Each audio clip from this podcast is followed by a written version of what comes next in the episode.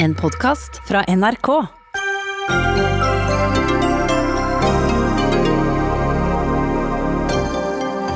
Regjeringen vurderer en trinnvis åpning av skolene over påske. Det får være alle eller ingen, sier rektor. Dagens hjelpepakke til den kriserammede kollektivtransporten varer ikke lenge, ifølge bransjen selv. Samferdselsminister Knut Arild Hareide får kritikk for at pakken ikke er omfattende nok. Frykten for å gjøre for lite gjør at politikerne drar ekstra godt til under koronakrisen, hevder politisk redaktør, som trekker paralleller til sviktende beredskap den 22. juli. Og informasjon om koronatiltak når ikke frem til norske minoritetsgrupper. Norge svikter en stor del av minoritetsbefolkningen, hevder samfunnsdebattant.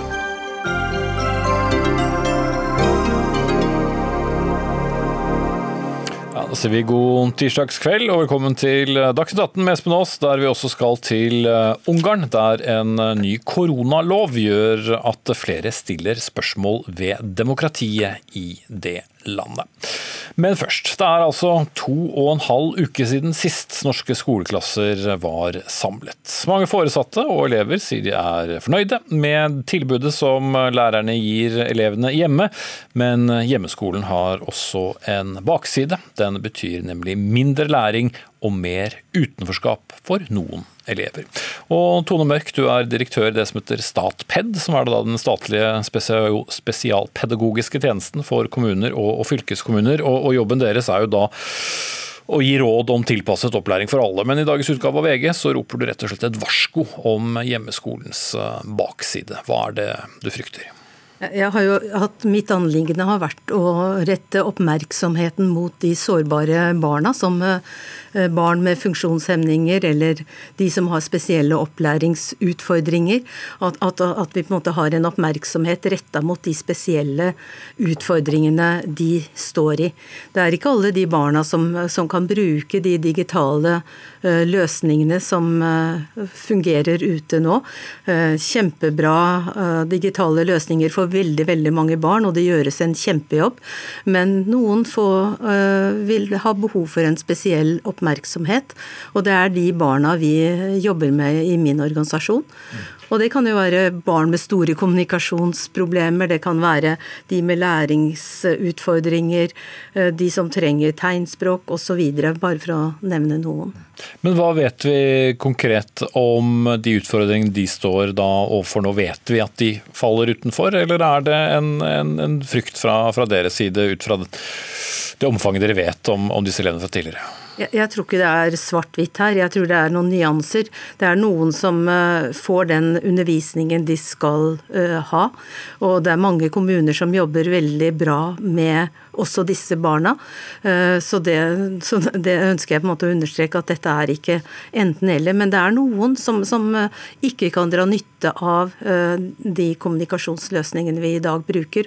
Og det er de vi ønsker at det skal rettes en spesiell oppmerksomhet mot. Da. Mm. Men hva konkret betyr det egentlig, å rette en spesiell oppmerksomhet mot dem? Eh, det er jo sånn at eh, mange får undervisning eh, hjemmefra, og det kan være en utfordring i den sammenheng at en ikke har nødvendig kompetanse til å gi spesialpedagogisk veiledning. Så det vi tenker er at en i større grad må samarbeide, kommunene og stat, i det å gi en god undervisning som er tilrettelagt for den enkelte. For uh, Du mener også at uh, vel og bra med digital undervisning, men det er også noe som blir borte der?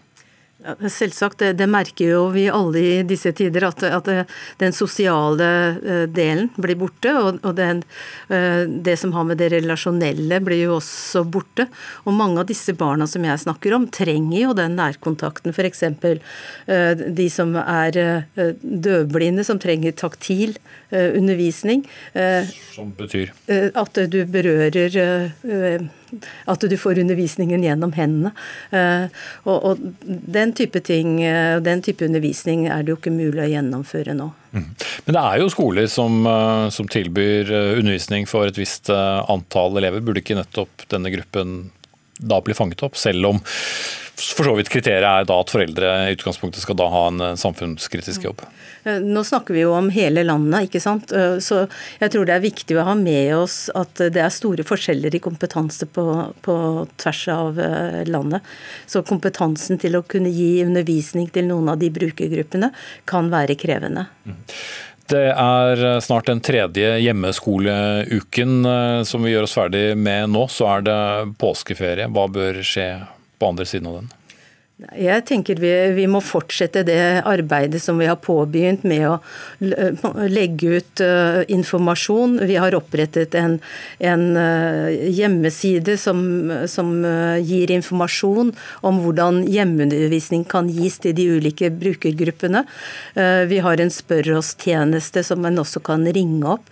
Så jeg tenker det å intensivere oppmerksomheten rundt disse gruppene, og stadig en måte komme med, med nye tilbud og, og ny veiledning og nye råd til gruppen er viktig. Mm. Da sier vi takk til deg, Tone Mørk, direktør i Statped, som altså er den statlige spesialpedagogiske tjenesten for kommuner og fylkeskommuner, og som var litt vanskelig å uttale. Men vi skal ikke gi oss helt med tema, fordi det skal fortsatt handle om de stengte skolene og konsekvenser for de mest sårbare elevene og også alternativene for en eventuell gjenåpning av skolene når vi kommer over påske. Og Mathilde Tubring-Gjedde, stortingsrepresentant for Høyre og medlem av utdannings- og forskningskomiteen.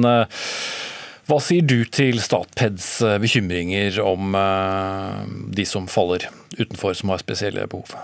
Nei, Dette er jo en bekymring jeg absolutt eh, deler. Vi visste da man stengte skoler og barnehager at det er klart at det er for noen barn så er skolen og barnehagen det fristedet de har. For mange så er jo kanskje det en viktig del av den sosiale fellesskap de er en del av. Og kanskje særlig de barna som kanskje ikke har så mange venner, ikke så mange som tar kontakt med dem hjemme, eh, men som trenger eh, ofte et sted å, sted å gå. Og så vet vi at det er fantastiske lærere som har gjort mye for å nå ut til elevene. Eh, finner ut om hvem som ikke er til stede, ringer, eh, oppsøker, finner oppgaver som er variert ved aktivitet. Men det er jo ikke det samme som å ha elevene til stede i klasserommet og se dem i øynene og gi dem en klem. Mm.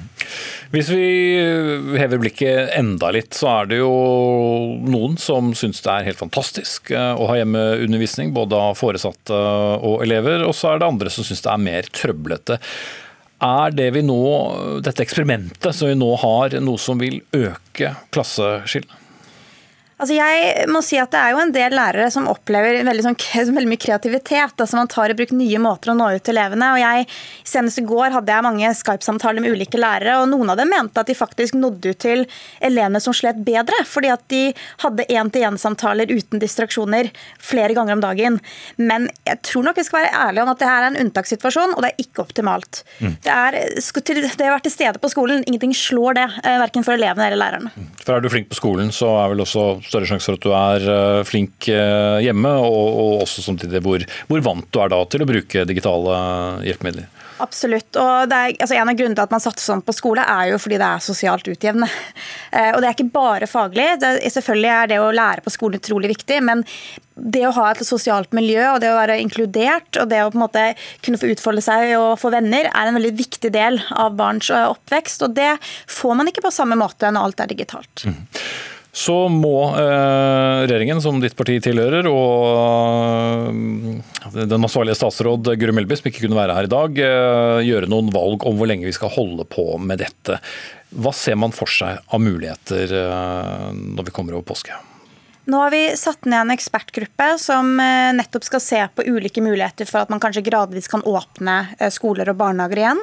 Og det er klart, Dette er jo en avveining. ikke sant? Det er samfunnsmessige konsekvenser av å ha skoler og barnehager stengt mot smittevernhensyn. Og det må gjøres en faglig vurdering av hva som er forsvarlig.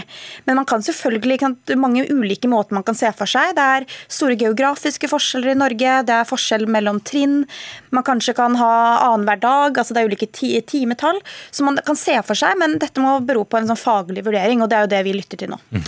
Trond Herbert Johansen, du eh, kjenner dette, eller har støvlene på, for å si det sånn. Eh, du er eh, rektor på en skole som heter Mortensrud, med 450 elever fra 1. til 7.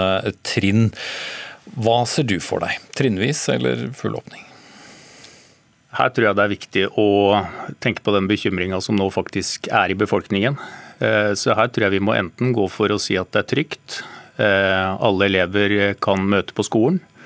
Eller så, så, må vi fortsette å holde stengt. Vi kan se for seg en åpning av at elevene fra første til fjerde trinn, de yngste, får lov til å komme.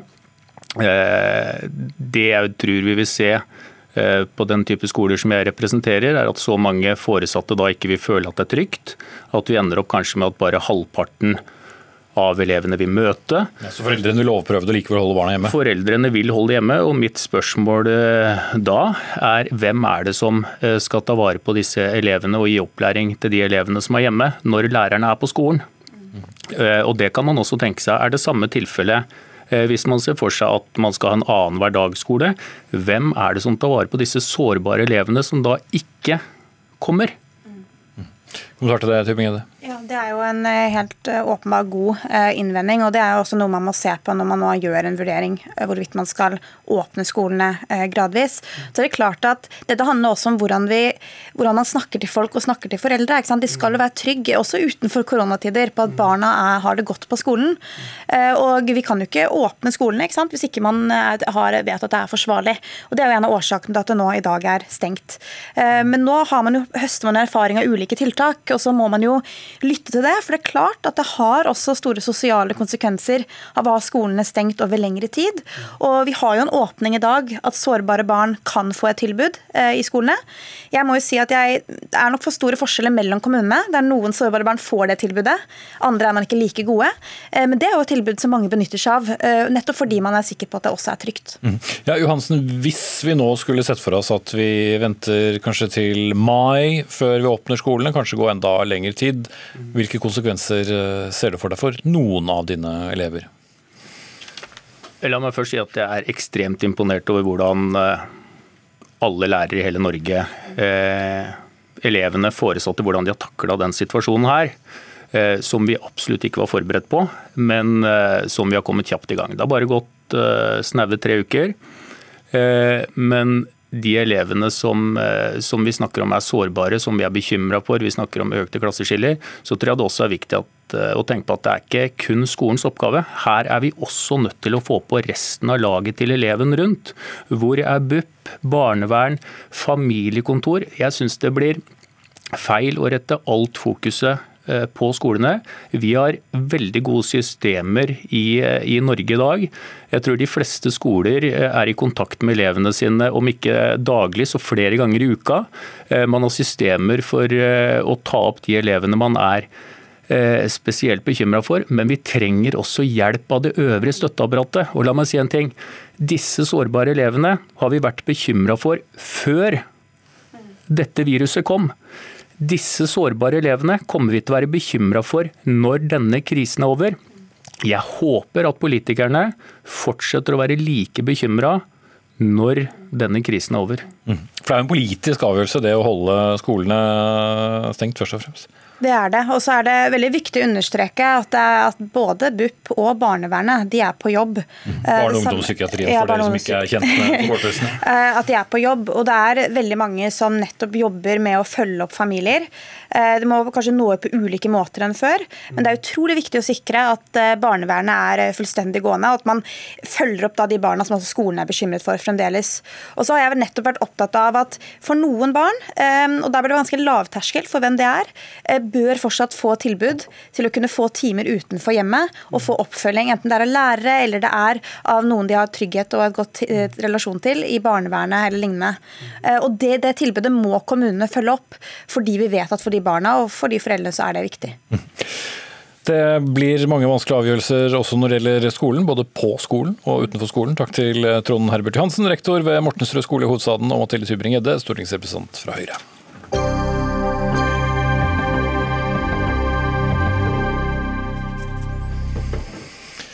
Det går alltid et tog, pleier vi å si, men eh, hvor lenge? I forbindelse med mm, krisepakke 3 som Stortinget ble enig om eh, gjennom natten, så kommer det også en egen krisepakke til kollektivtransporten. Og nå er det jo veldig mange som er blitt bedt om å holde seg hjemme, og ellers unngå kollektivtransport hvis ikke de må. Det fører selvsagt til at billettinntektene stuper over det ganske land, men i dag er det blitt klart at det kommer en ekstra milliard kroner på bordet. Knut Arild Hareide, du er samferdselsminister fra Kristelig eh, Folkeparti. Eh, var det en krisepakke som kom snarere sent enn tidlig? Jeg tror det var veldig klokt det Stortinget gjorde i dag. Fordi at eh, det er jo, jeg har lyst til å si det er veldig mange både innenfor kollektivene som gjør en veldig viktig jobb. Eh, det er større smittefare eh, nettopp med å være der. Og om det er om bord på buss, tog, drosjenæring, så er det en veldig viktig jobb. For vi trenger denne kritiske infrastrukturen. Men det er langt færre som reiser, og det er òg bra. Eh, men vi trenger den for de som skal på sykehus, for de som skal få eh, være i nettopp veldig viktige arbeidsliv som vi nå trenger. Eh, men pga. at inntektsbortfallet er så stort Jeg kan jo si Ruter, bare i Oslo og Viken, har et inntektsfall pga. billettinntekter på 300 millioner i måneden. Og sånn er det egentlig landet rundt, selvfølgelig da med noen regionale forskjeller.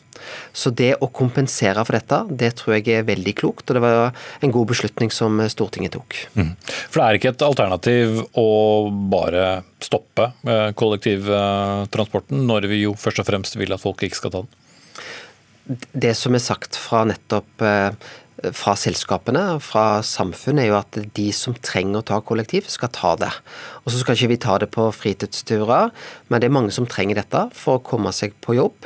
Men vi har prøvd å holde en viss kapasitet, sånn at bussene ikke blir for fulle, sånn at eh, T-banen ikke blir for full, sånn at togene ikke blir for full. Og det ser ut til å fungere rimelig godt eh, i dag. Men vi trenger kapasiteten, eh, for det er jo en god del i dette samfunnet som må gå rundt.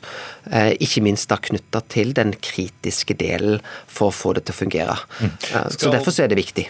Olov eh, Grøtting, du er daglig leder i det som heter Kollektivtrafikkforeningen, som da representerer eh, fylkeskommunale samferdselsselskaper. og Sammen med NHO Transport så reiste dere kravet da om å få en egen eh, krisepakke. og I en pressemelding i dag så skriver dere sitat kollektivtrafikken er berget inntil videre. Hvor lenge er den da berget? Ja, altså Det stemmer. Det er jo Først og fremst er vi veldig glad for å ha fått denne krisepakken her, men det er jo midlertidig. Og så vil jeg jo si det innledningsvis at jeg syns det er veldig bra at de politiske partiene på Stortinget og regjeringa har funnet sammen og leverer felles krisepakker. Og så syns jeg det er veldig bra at de nå har forstått alvoret for kollektivtrafikken. Mm. Vi har fått én milliard kroner. Hva? Hva er utfordringene dere da står overfor? Vi vet jo selvfølgelig ikke hvor lang tid eh, denne krisen eh, skal, skal være, men hvor akutt eh, er det? Det er temmelig akutt. Og vi har fått 1 milliard kroner nå. Vi vet at det er 200 milliarder kroner i uka som man taper billettinntekter. Og da er det jo enkel huregning som skal til for å skjønne at det varer i fem uker. Fem uker er ikke lenge, og da er vi tilbake der vi var i går. Mm. Og, og Hareide, om det er fem uker, eller om det er ti uker eller 15 uker, det kan ingen svare på. Jeg tror Det viktigste med det som vi har gjort nå, er at vi sender et tydelig signal til fylkene. Det er fylkene som har ansvar for kollektivtransporten, at vi ønsker å kompensere. Mm. Så ikke så må fylkeskommunene hente pengene fra et annet sted? Ja, Eh, og, og, nå vet vi at det renner penger ut eh, pga. at billettinntektene ikke kommer. Så det Stortinget sier og regjeringa sier, vi ønsker å kompensere. Eh, foreløpig så ligger det 1 milliard. Det er naturlig at vi ser og vurderer hva det reelle behovet er senere. Det kommer et revidert nasjonalbudsjett der det kan være naturlig. Og jeg kan jo også si at vi i de store byene har faktisk forskuttert betaling på nettopp skjønns, på, på byutvekslingsavtalene for for at de skal komme tidligere. Sånn at det blir større beløp til de fire største byene, som et eksempel. Mm. En, den aller største byen er jo da naturlig nok uh, hovedstaden, og hvor det er mye kollektivtrafikk uh, og, og, kritisk infrastruktur. Arild Hermstad, du er byråd for miljø og samferdsel i Oslo fra Miljøpartiet De Grønne. Du har sagt at dagens krisehjelp er en velkommen innsprøytning for kollektivselskapet Ruter, som da dekker både Viken og, og hovedstaden, men det vil ikke hjelpe mye om krisen prosessen drar ut i tid, så du er enig med, med, med Grøtting der. Hvor, hvor, mye har dere å gå på? Nei, jeg tror Grøtting sa det veldig greit. Det er, det er veldig bra at vi har fått den pakken, og at Stortinget og regjeringen har lyttet. Men det er kort oppsummert så er det fem uker som vi tåler å stå i. Og vi har jo allerede det er jo allerede gått tre uker med vanvittig stort inntektsbortfall. Så det betyr jo at bare når vi passerer påske, så begynner de igjen å Eh, å dukke opp dette problemet. Og da eh, er jo det dessverre sånn at eh, vi kan ikke vente til juni med en krisepakke fra regjeringen eller en, en, ny budsjettprosess. for Hvis ikke vi får avklaringer før det, så betyr det at vi må begynne å si opp avtaler med busselskapene, si opp avtaler eventuelt med Sporveien. altså Da må vi begynne å kutte dramatisk i tilbudet og gjøre tiltak for å spare penger på lang sikt. Så det er en uholdbar situasjon som vi ikke kan komme i. Eh, og, og Grøtting, hvis vi skal se eh, landet over, det er, eh, det er, ingen regioner hvor de har mye å gå på. Alle merker bortfall? Alle merker dette i større og mindre grad. Dersom det ikke er så store beløp, så har man heller ikke så mye egenkapital å ta av. Og vi risikerer, hvis det ikke skjer noe fram mot uh, revidert nasjonalbudsjett, så risikerer vi at kollektivtrafikken stopper opp. Mm. Og, og Hareide, kollektivselskapene skal opprettholde iallfall et visst tilbud. Noen steder har de jo måttet kutte noen avganger allerede. Ja, men jeg syns egentlig at her har kommunene, eh, Oslo kommune og de andre fylkene funnet gode løsninger. Eh, fordi de har gått ned på et, nesten et minimumsnivå, men òg sikra et tilbud som gjør at det ikke blir overfullt. Eh, og så er jo Det viktigste signalet er at det, det blir kompensert. Og som jeg sa, vi har da utbetalt belønningsmidler tidligere. Nå kommer denne milliarden, og vi må jo følge utviklingen. Vi må vite hvor lenge dette går. Men jeg forstår jo den bekymringen som er i Oslo, eh, der Ruter er et utrolig viktig selskap for Oslo og Viken. Og vi ønsker jo at det skal både være solid eh, og finansielt eh, videre. Og Det er derfor vi nå ønsker å kompensere. Mm. Men Hermstad, er det et alternativ for dere i samarbeid med, med Viken, og eventuelt kutte i tilbudet ytterligere?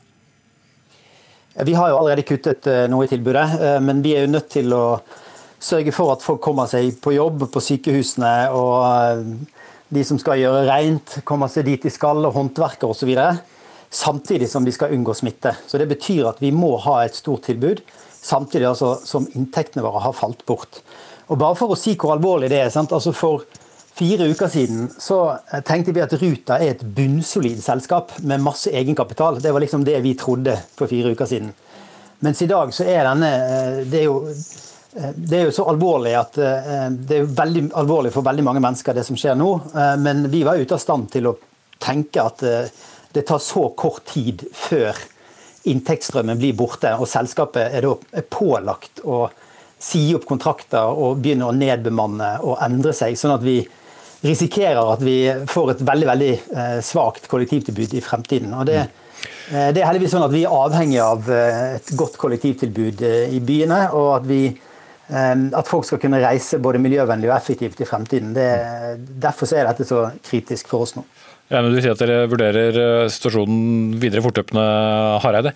Helt til slutt, skal du berolige de som hører at du er litt nasal om at du ikke har fått, fått noe virus? Jeg har testa meg. Jeg har ikke koronavirus. Jeg har hatt en vanlig influensa, men føler meg så å si 100 nå. Mm. Da skal vi uansett hvert fall spritte ned bordet der du har sittet. Takk til samferdselsminister Knut Arild Hareide fra Kristelig Folkeparti. Takk til Olov Grøtting, som eh, var med oss som er daglig leder for Kollektivtrafikkforeningen.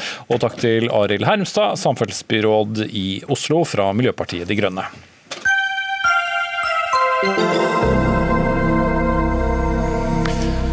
Ja, denne samferdselspakken var altså en del av krisepakke tre som Stortinget samlet eh, seg bak eh, i dag. Den tredje omfattende krisepakken på mindre enn tre uker. Formålet er naturlig nok å hjelpe Norge over de alvorlige økonomiske konsekvensene som denne koronakrisen gir oss. Nå på fredag kommer det ytterligere tiltak og en konkretisering av denne pakken igjen, bl.a. av det som er blitt omtalt som kontantstøtten til kriserammede bedrifter. Og Økonomikommentator her i NRK, Cecilie Langum eh, Becker, det er, det er, mange punkter på denne listen, men vi skal ta det, det viktigste som eh, politikerne er blitt enige om. Det aller viktigste er jo denne kontantstøtten til bedriftene på 20 milliarder i måneden ut eh, mai. og Dersom dette fungerer da etter planen, så skal jo penger komme inn på konto til bedriftene allerede i løpet av noen uker, dersom de får denne elektroniske plattformen opp og stå. Så, så Det er det aller viktigste. sånn at Bedriftene får penger inn i kassen. Inntektsstrømmen har jo stoppet opp for veldig mange. Og den, Kanskje den andre viktige delen av pakken i dag, det var vel de fem milliardene til kommuner og fylkeskommuner. Mm. Der hvor én milliard av de går til eh, å sikre kollektivtransporten i fylkene. Mm. 20 milliarder i, i, måneden. 5 milliarder der, 1 milliard der. Tidligere pakker. Vi snakker flere hundre milliarder kroner som må uh, settes inn. Må det brukes så mye penger? Jeg hører jo ingen politiker som sier burde vi ikke bremse? Nei, det er vel ikke så populært å bremse nå. Og det, og det, er bred enighet både blant økonomer og da, som du sier, blant politikerne at vi må bruke disse pengene nå. Hvis ikke så blir eh, store deler av det private næringslivet radert ut det alternativet er dyrere enn å bruke penger nå. Men man risikerer jo mange ting når man bruker så mye penger over så kort tid. Eh, og f.eks. bare for å ta den pakken med kontantstøtte nå. Det, det går i et rasende tempo, og det, det, må det gjøre. Men man risikerer eh, jo at, at eh, man ikke klarer å treffe alle. Det blir veldig sånn sjablongmessig. Og det andre er jo at man står i fare for å faktisk da holde bedrifter kunstig i live som ikke er lønnsomme. Nå er jo regjeringen veldig på ballen her på det også. Jan Tore Sanner og Erna Solberg har sagt at det er viktig at det er de sunne eh, bedriftene som eh, hjelpes over kneika nå. At man ikke står igjen og, har holdt kunstig i live en del bedrifter som, som skulle gått konkurs, og som kommer til å gå konkurs etter krisen allikevel. Men det er utrolig krevende. Hvordan skal du skille mellom hvilke bedrifter er sunne og ikke? Sånn at eh, etter det jeg forstår, så kommer det også inn i denne plattformen at man skal klare på et eller annet vis å skille ut, sånn at det er de, de, de de, de, som normalt sett er lønnsomme, at det er de vi hjelper over kneika. Mm. Eirin Eikefjord, du er politisk redaktør i, i Bergens uh, Tidende. og Bakgrunnen for de økonomiske krisepakkene er jo da de dyptgripende tiltakene som regjeringen innførte 12.3 for å hindre spredning av koronasmitte i befolkningen. Derfor uh, stenges barnehager, derfor stenges skoler, og derfor er det også veldig mange bedrifter som ikke lenger kan, eh, kan eh, drive som de gjorde før. Og I en kommentar i din avis i dag med tittelen 'Den røde gummibåten' så skriver du sitat 'bevisst eller ubevisst, den fundamentale kollapsen fra 22.07 kan fort påvirke de valgene som blir tatt under koronakrisen'. Det er kanskje derfor regjeringen har innført svært drakoniske tiltak, mye strengere enn fagfolkene anbefaler, skriver du. Hva legger du i dette? Denne røde gummibåten er jo da det sterkeste symbolet kanskje på alt som svikta den dagen i 2011. Og jeg prøver å vise at det at man ikke kan feile igjen, det at Norge har strøket i beredskap en gang allerede, og det at vi har en regjering som har gått til valg på tryggere eh, tiltak og god beredskap, det gjør at det er særlig viktig at en ikke gjør feil en gang til. Og det tror jeg kan være med på å forklare hvorfor vi blir eh, utsatt for, eller at det kommer mye strengere tiltak enn det fagfolkene anbefaler.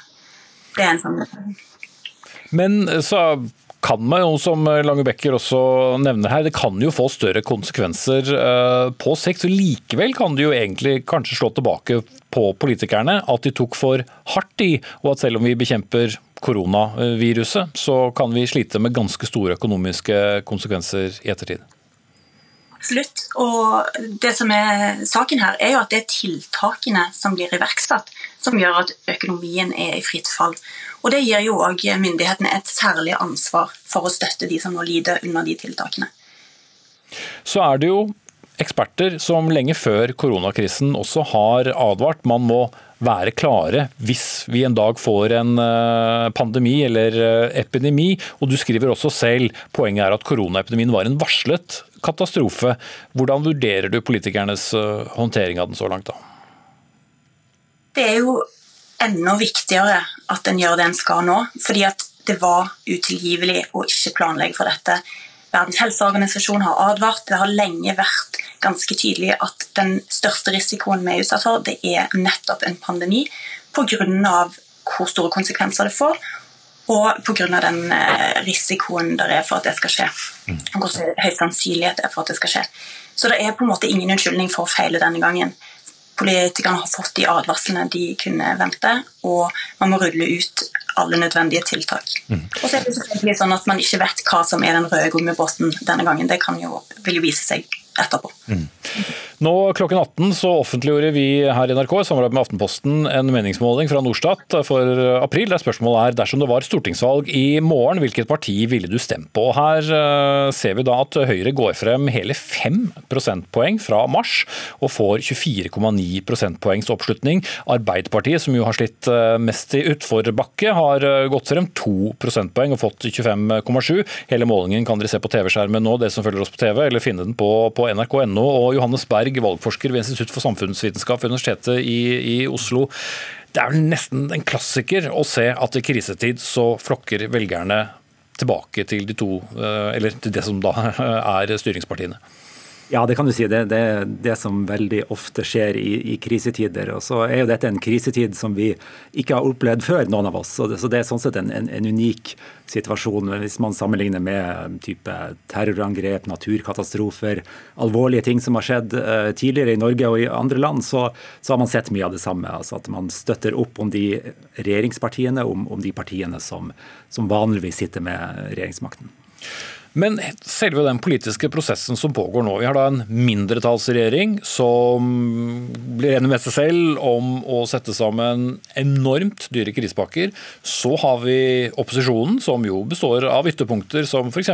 Fremskrittspartiet og SV, som står skulder ved skulder senere og har lagt på enda litt penger. Hva, hva er det som skjer med dynamikken her? Det som skjer er jo selvsagt at partiene samler seg. Man har et felles prosjekt. Opposisjonen er ikke så veldig i opposisjon til den sittende regjeringen. Og, at man går sammen om å bli enige om disse tiltakspakkene. Og det, det er klart det er lettere for partiene som skal bruke masse penger, eh, enn hvis man skulle spare inn eller komme, eh, inngå andre vanskelige eh, kompromisser. Så, så, det er en slags eh, samling i, i norsk politikk. Men, men bildet fra, sett fra velgernes ståsted er nok at det er regjeringspartiene som, som har styringen. og, og kanskje uh, Arbeiderpartiet er et parti som man også assosierer med det å, å, å ha styring og, og makt, og, og, dermed støtter man opp om de partiene akkurat her og nå, uh, uh, midt i krisen. hva som vil skje på lengre sikt er jo mer uklart. Mm.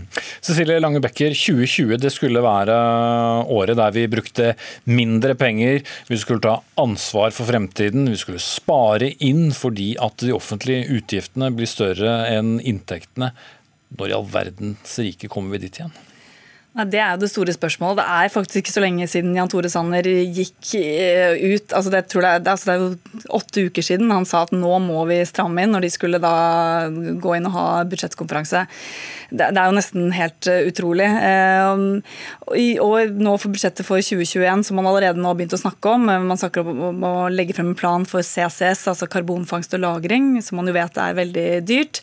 Sånn at budsjettet for 2021 kommer jo helt sikkert til å bli preget av høy pengebruk. Så det er vel da kanskje budsjettet for 2022 eh, at man kanskje må begynne å stramme eh, inn igjen, når man da har en ny regjering på plass. Sånn at det er litt langt det er et par år frem i tid, men vi må jo stramme inn på et eller annet tidspunkt. og Man ser også at en del av politikerne er veldig opptatt av å understreke at dette her er midlertidig, vi kan ikke leve av tiltak. Man legger også merke til at mange av tiltakene har en gyldighet f.eks. ut 31.10 eller ut mai, og så må man se på det igjen.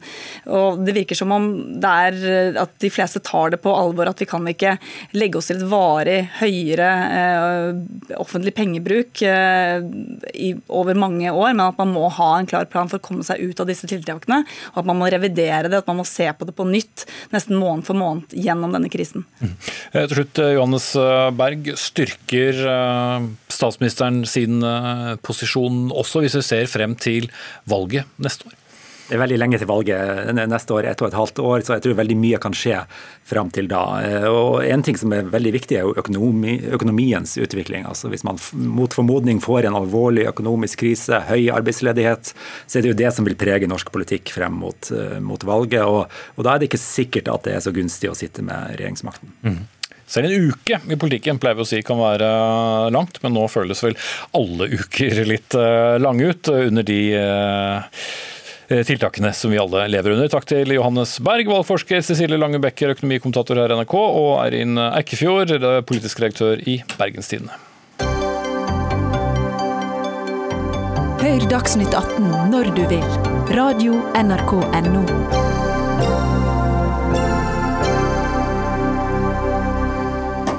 Mot eh, slutten av sendingen så skal vi snakke om at informasjon om alle disse koronatiltakene ikke når frem til norske minoritetsgrupper. For til oss kommer det en samfunnsdebattant som hevder at Norge svikter store deler av minoritetsbefolkningen. Men nå skal det handle mer om eh, arbeidsliv.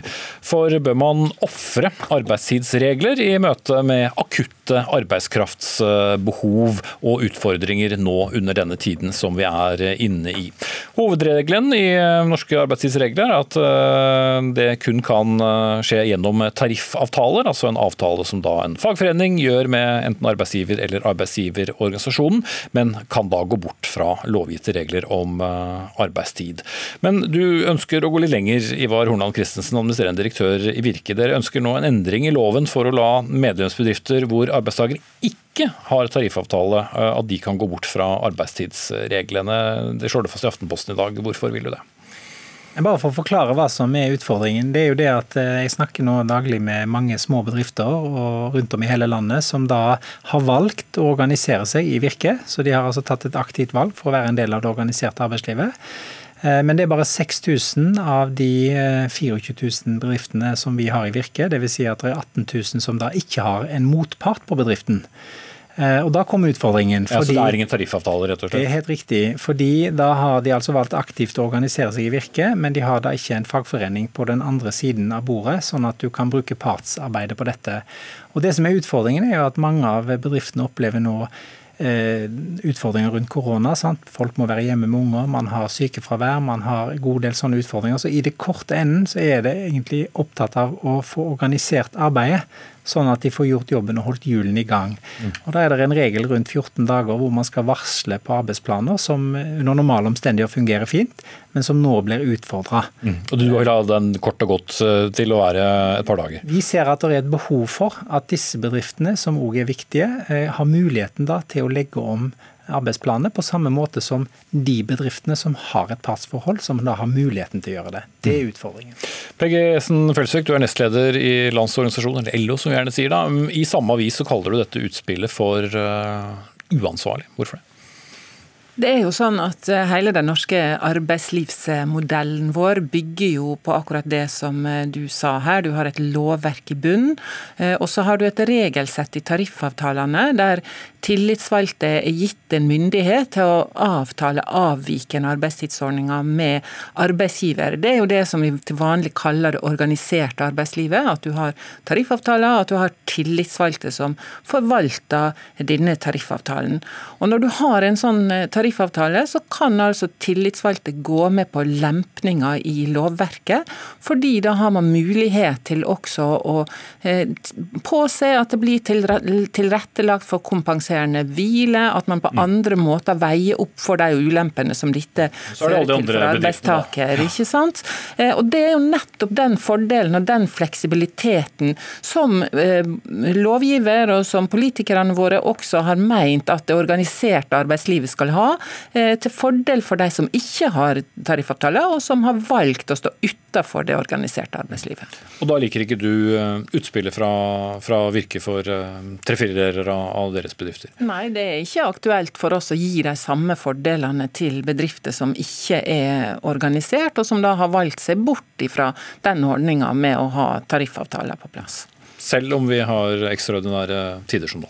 Nå er det sånn at Fagbevegelsen har tatt et stort ansvar i den eh, tida som vi er i nå. og På de aller aller fleste områder så er det inngått avtaler der man går bort ifra det aller meste som gjelder eh, loven sine begrensninger. Så eh, tillitsvalgte og fagbevegelsen har tatt et veldig stort ansvar i den krisa som vi står oppe i nå. Men, men dette er altså en del av det eh, uorganiserte arbeidslivet som vi ikke kan ta ansvar for. Mm. Og da må du og dine medlemsdrifter bare stå i det, da, Kristiansen? Nei, men Det er det som er utfordringen her. fordi Hvis vi er enige, og det er enig med LO enige òg, at nå må vi faktisk holde hjulene i gang og få dette til, sånn at eh, ikke næringslivet stopper opp. opp. Og da er det sånn at Når bedriftene har valgt å organisere seg i Virke, så har altså bedriftene gjort jobben sin og organisert seg innenfor det organiserte arbeidslivet. Utfordringen er at vi da ikke har fått den samme organiseringen på arbeidstakersiden. og Det er jo noe som da Eh, partene har delt mellom seg, at det er arbeidstakersiden som må ta ansvar for. Og En av utfordringene her er at du må ifølge hovedavtalen ha 10 eh, før du da kan lage en representasjon på, på virksomheten. Ja, 10 av de ansatte må være organisert? Det, det er riktig for å kunne få til den motparten. Så Det vi egentlig peker på her, er under disse omstendighetene så er det altså behov for òg i disse virksomhetene å få til den fleksibiliteten. For jeg er overbevist om at arbeidstakere i disse virksomhetene òg er opptatt av å stå på og bistå til at bedriften eh, klarer seg. Og Det er ikke snakk om noe annet enn det som da skjer tilsvarende i bedrifter hvor det er et partsforhold, og hvor man kan inngå disse eh, endrede arbeidstidene da, for å få det til å gå rundt. Men Burde ikke da dine medlemsbedrifter ha jobbet litt aktivt for å få opp organiseringsgraden, og dermed også gitt seg selv, i hvert fall i en del situasjoner, da, litt mer med spillerom hvor man kan bruke f.eks. hovedavtale? Jo, men altså i Virke så har vi doblet vår medlemsmasse vi på de siste ti årene, så vi gjør jo en stor jobb vi for å få til å organisere virksomheter for å få de inn i det organiserte arbeidslivet. og Det er vi opptatt av og klar for. Men jeg ser ikke at det er vår oppgave å organisere arbeidstakerne. Det mener jeg jo at det er fagforeningen sitt ansvar. Men jeg tror begge, både LO og vi, er enige om at innenfor det organiserte arbeidslivet så skal vi finne disse løsningene. Men problemet nå er at 18 000 av 18 000 bedrifter i Virke ikke har da en motpart hvor de kan få sett på hvordan de kan få gjort tilpasninger. Mm. Men hvor ligger egentlig da ansvaret for at vi har havnet der? Det føles klart at mye handler om hva slags arbeidstaker det er også en del bedrifter, og at det ikke er naturlig for dem å velge å, å organisere seg, for de skal ikke jobbe der lenge osv. Men burde, eh, burde, også LO og andre arbeidstakerorganisasjoner vært mer, mer aktive? Vi er aktive hele tida, og vi har eh, kampanjer som går og har dyktige tillitsvalgte som er ute og verver også i, i eh, typisk de eh, sektorene som Christensen representerer her. Så, så, det gjør vi hele tida. Men det er klart at dette er en del av arbeidslivet som er litt mer flyktig enn gjerne andre typer, så det er vanskeligere å komme til her. Og så er det heller ikke til å stikke under en stol at det er en utfordring, og gjerne du kan kalle det ligger i holdninga eller i tradisjonen innenfor også enkelte av disse sektorene, der ikke alle arbeidsgivere er like interessert i å ha verken tillitsvalgte eller tariffavtaler eh, inne i sine bedrifter. Og Det tenker jeg at det er en utfordring som vi må ta sammen. Eh, og så skal det jo også sies at vi samarbeider jo også nå.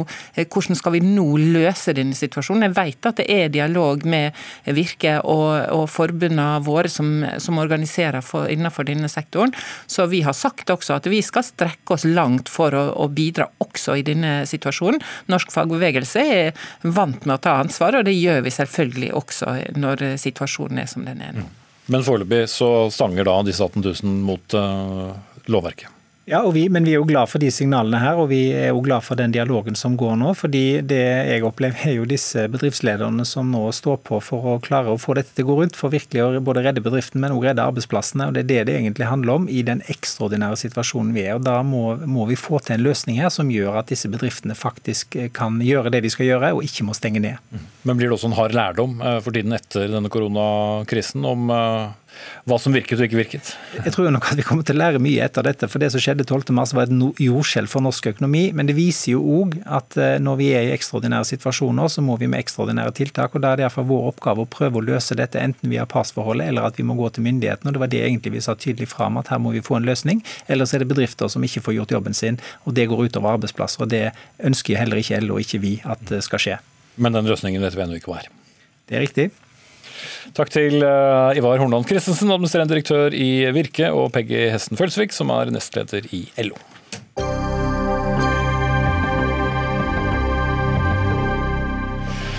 Da skal vi eh, bevege oss eh, utenriks her i Dagsnytt 18. For over hele Europa vedtas det nå unntakslover for å takle koronaepidemien.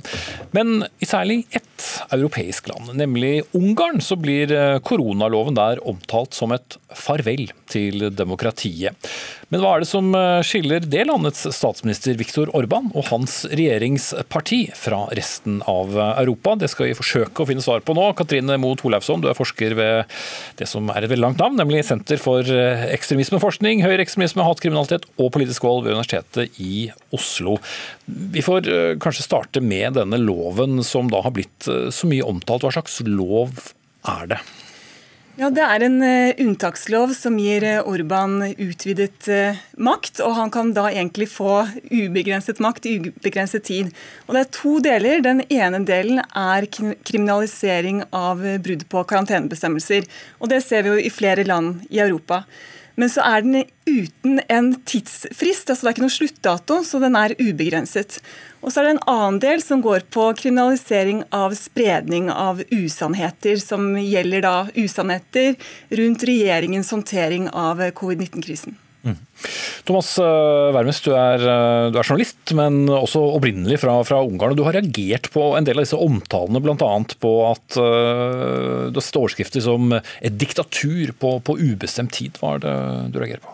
Ja, jeg har jo i lengre tid reagert på dekningen av Orban-regimet, som vi sikkert vil kalle det her. For jeg mener at det ble omtalt på en veldig lemfeldig måte. og og den vanlige journalistiske metoden med å sjekke en story, det, det trenger man ikke å gjøre når det gjelder Orban og Ungarn. Eh, det er mitt ståsted. Og jeg reagerte seinest i dag morges da, da, NRK hadde et innslag om det. Og noe av det jeg konkret stusset på nå, det var jo noe av det også Katrine sa nettopp nå, at, at dette er en unntakslov uten noe tidsbegrensning. Og Eh, det som er faktum, det er jo at det har en, en tidsbegrensning som faktisk er strammere enn f.eks. den norske, som vel er på én måned, er det ikke det?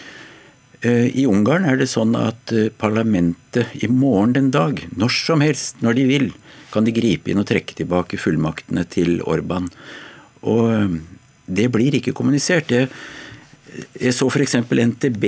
De hadde en overskrift forleden om ja, liksom hadde tror jeg, diktatur på ubestemt tid. ja, ja, ja, og, ja, og unntakslov kan gi enevelde på ubestemt tid. Jeg tipset også dem om at parlamentet kan stoppe dette eneveldet hvilket som helst øyeblikk, men det er de og alle andre uinteressert i. Mm.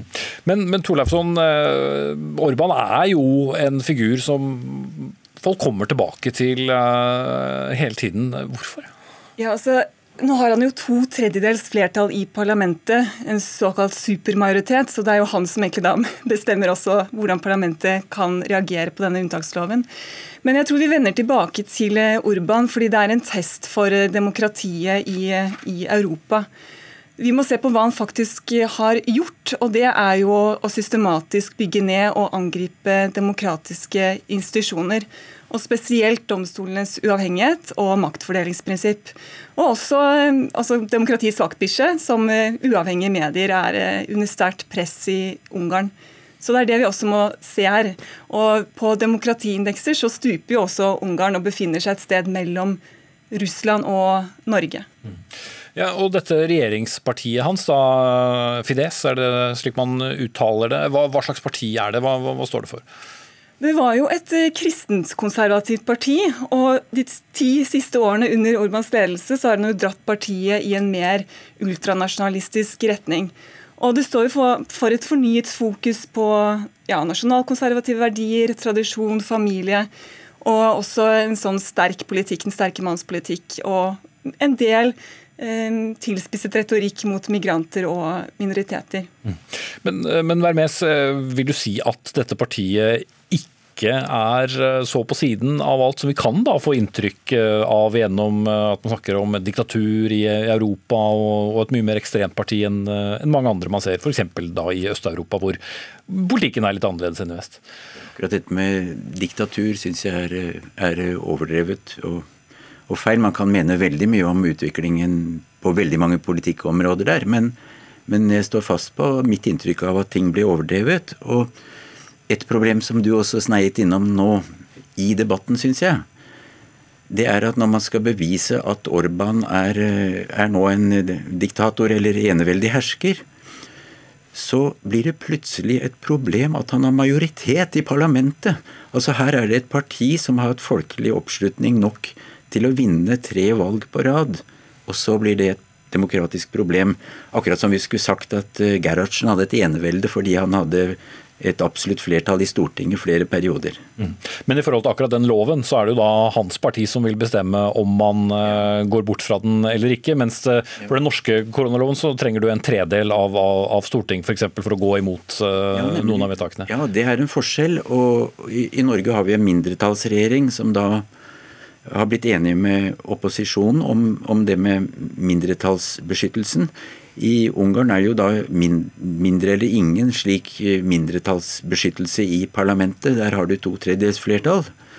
Men jeg syns jo skillet mellom eh, et Norge med, med den mindretallsbeskyttelsen på en tredjedel for en mindretallsregjering, og et Ungarn med to tredjedels flertall for ekste gang, med et parlament som da kan stoppe det når som helst hvis det blir flertall der, det skillet det utgjør ikke skillet mellom demokrati og diktatur.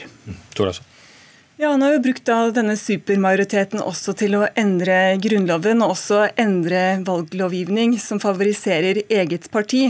Så det er jo ikke det at han ikke bruker den makten, han har brukt den til å angripe maktfordelingsprinsippet og også domstolens eh, uavhengighet. Mm. Jeg må sette strek der. Det er eh, spennende å snakke om land vi ikke snakker om så ofte i, i nyhetene. Takk til Katrine Moe Torleifsson, forsker ved Universitetet i Oslo, og journalist Thomas Vermes.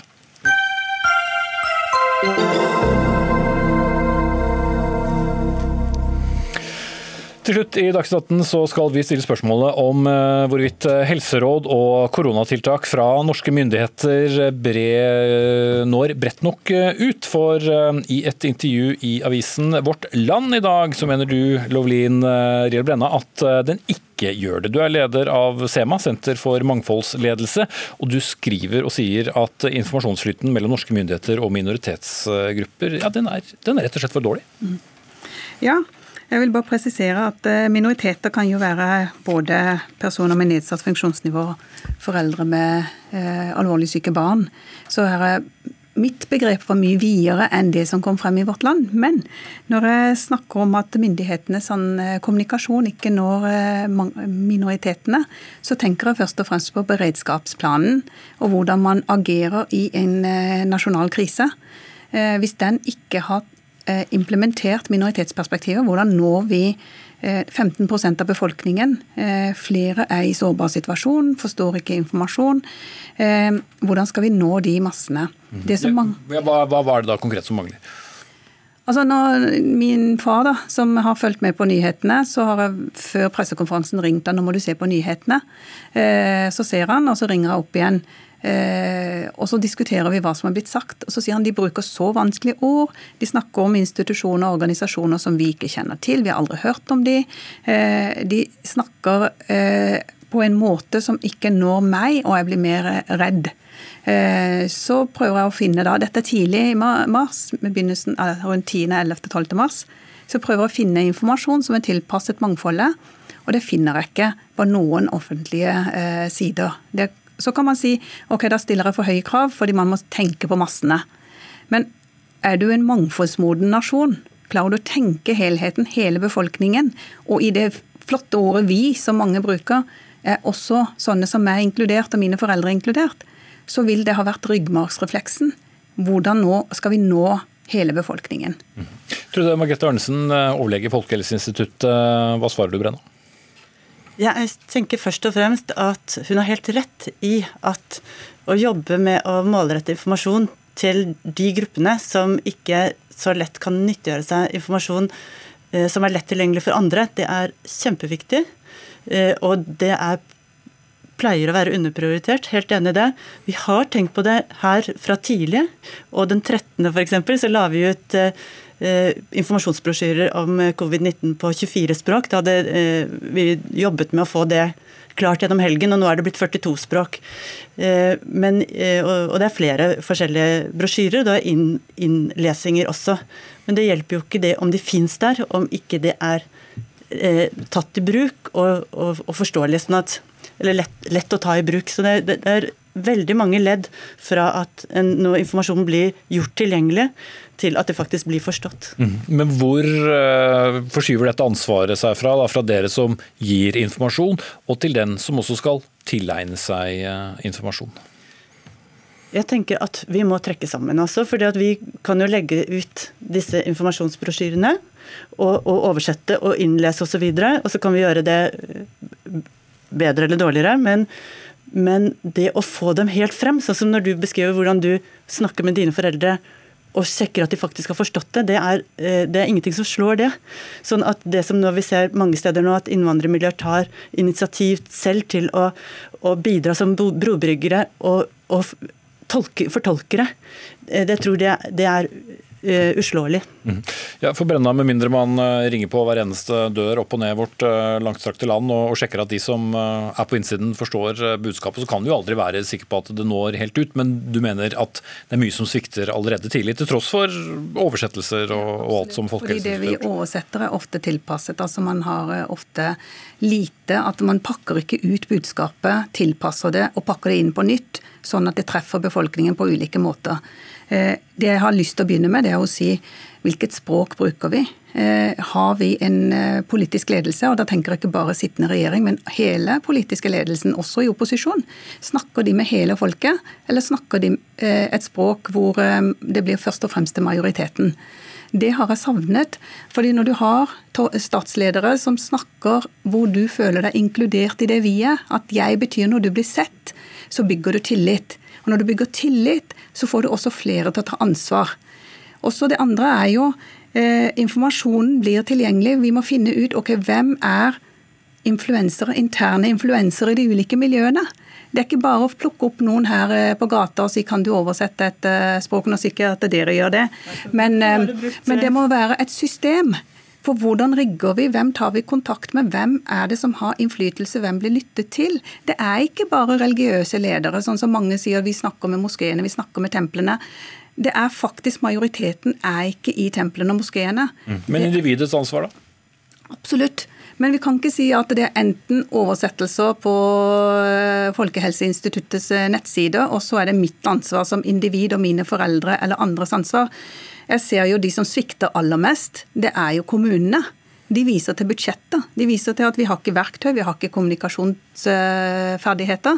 Så, så jeg tenker her må vi ta et felles ansvar. Vi kan ikke individualisere det ansvaret eh, i en sånn krise. Mm. Felles ansvar høres alltid så fint ut, men uh, en ting er å si det, noe annet ting er å gjøre det, Arnesen. Ja, nei, altså Jeg kommer nettopp fra et møte i Oslo kommune. Der de, jobber de ordentlig godt og har en veldig god strategi, tenker jeg, og har virkelig gjennomtenkt eh, hvordan de skal nå ut eh, med ulike ambassadørgrupper. og Særlig blir det vanskelig dette med å følge opp de som er i isolasjon og karantene. Hvordan man skal faktisk nå frem til en allerede sårbar gruppe, som så i tillegg skal være avsondret fra et fra før kanskje manglende nettverk. sånn at det er mange som tenker rundt dette, og jeg syns det er riktig å løfte det. For det er en kjempestor utfordring. Ja, og for, til sjuende og sist så vil jo da problemet være hvis det er store grupper som ikke får det med seg, så vil jo ikke de ta de samme eh, forholdsreglene om, om eh, avstand eh, til, til, andre, det å, å, faktisk holde seg inne osv. Og, så og da blir det jo et problem igjen for, for oss alle. Det kan bli et problem, og det kan også bli et problem at de da ikke søker hjelp når de trenger det, eller ikke finner ut hvor de, hvor de kan få den hjelpen ved, under forverring, f.eks. For av tilstanden. Sånn at det er jeg tenker kanskje at det, ja, det går begge veier. Mm. Hva tenker du, Brenna, Nå har jo dette pågått noen uh, uker. Vil du ikke tro at uh, også mange minoriteter uh, har klart å, å, få med seg det aller meste av hva de skal gjøre og ikke gjøre? Jo, absolutt. Og veldig mange har fått det med seg. Men likevel så er det veldig mange som ikke forstår alvoret i dette. Det som jeg tenker som jeg savner i mye av den kommunikasjonen, det er jo å forstå ok, sosiale strukturer. Eh, tidligere på dagen i dag så var det en for, som fortalte om at i, i, Italia så var det først og fremst fordi man bor i storfamilie, eh, tenker annerledes. Så koronaviruset gjør ikke forskjell mellom meg og deg, skjønner du. Så derfor så må vi tenke hele befolkningen, ikke minoritet, majoritet. Mm. der. Takk til eh, Lovlin Diel Brenna, leder i SEMA, og Trude Margrethe Arnesen, overlege ved Folkehelseinstituttet. Ansvarlig for dagens Dagsnytt 18, det var eh, Dag Dørum. Marianne Myrhol hadde teknisk ansvaret. Jeg heter eh, Espen Aas. Sigrid Elise Solund er tilbake i denne stol i morgen.